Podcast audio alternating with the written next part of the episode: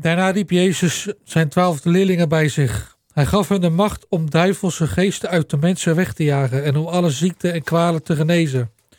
Dit zijn de namen van de twaalf leerlingen die hij ook apostelen noemde. Allereerst Simon, die ook Petrus wordt genoemd, en zijn broer Andreas, Jacobus, de zoon van Zebedeus, en zijn broer Johannes, verder Filippus, Bartholomeus, Thomas en de belastingontvanger Matthäus. Verder, ja, verder Jacobus, de zoon van Alpheus en Lebius, Lebeus, die ook Thaddeus, Thaddeus wordt genoemd. Verder Simon de Zeloot en Judas Iscariot, die hem later heeft verraden. Dit zijn de twaalf leerlingen die, op pad, die Jezus op pad stuurde. Hij bevallen, ga niet naar niet-Joodse mensen.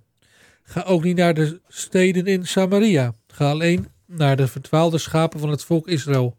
Vertel overal dat het koninkrijk van God eraan komt. Genees de zieken, maak doden weer levend, verjaag duivelse geesten. Jullie hebben niets voor deze macht hoeven betalen. Vraag er dus ook nooit een beloning voor. En zo stuurt Jezus, zeg maar, zijn uh, discipelen op pad om, om zeg maar, tijdens bij het volk Israël de verdaalde schapen op te pikken. Om daarvoor te bidden, daarvoor uh, om, om ook de, ziekte te genezen, om uh, demonen uit te drijven. Dat was de opdracht die de discipelen van Jezus kregen. En later zal die opdracht veel groter worden, want dan moesten ze niet alleen in hun eigen volk, maar dan moesten ze ook naar andere volken, andere naties toe, moesten ze de wereld intrekken om dit te doen. En dit is ook iets wat Jezus ook anno 2022 nog steeds tegen ons zegt. Wij mogen het ook doen. Wij mogen ook zieken genezen. We mogen ook demonen uitdrijven. We mogen ook mensen voor mensen bidden. Als het maar in de naam van Jezus is. Dat is het belangrijkste. Want Jezus heeft ons een taak gegeven om, om juist voor die mensen, voor de kwetsbaren, voor de mensen die verdwaald zijn, om die juist op te zoeken en om die weer bij Hem te brengen. We moeten weer, we mogen weer, we mogen, moeten alle volken tot, hun, tot zijn discipelen maken. En het is niet eenvoudig, want er zijn ook mensen die willen helemaal niks van Jezus weten.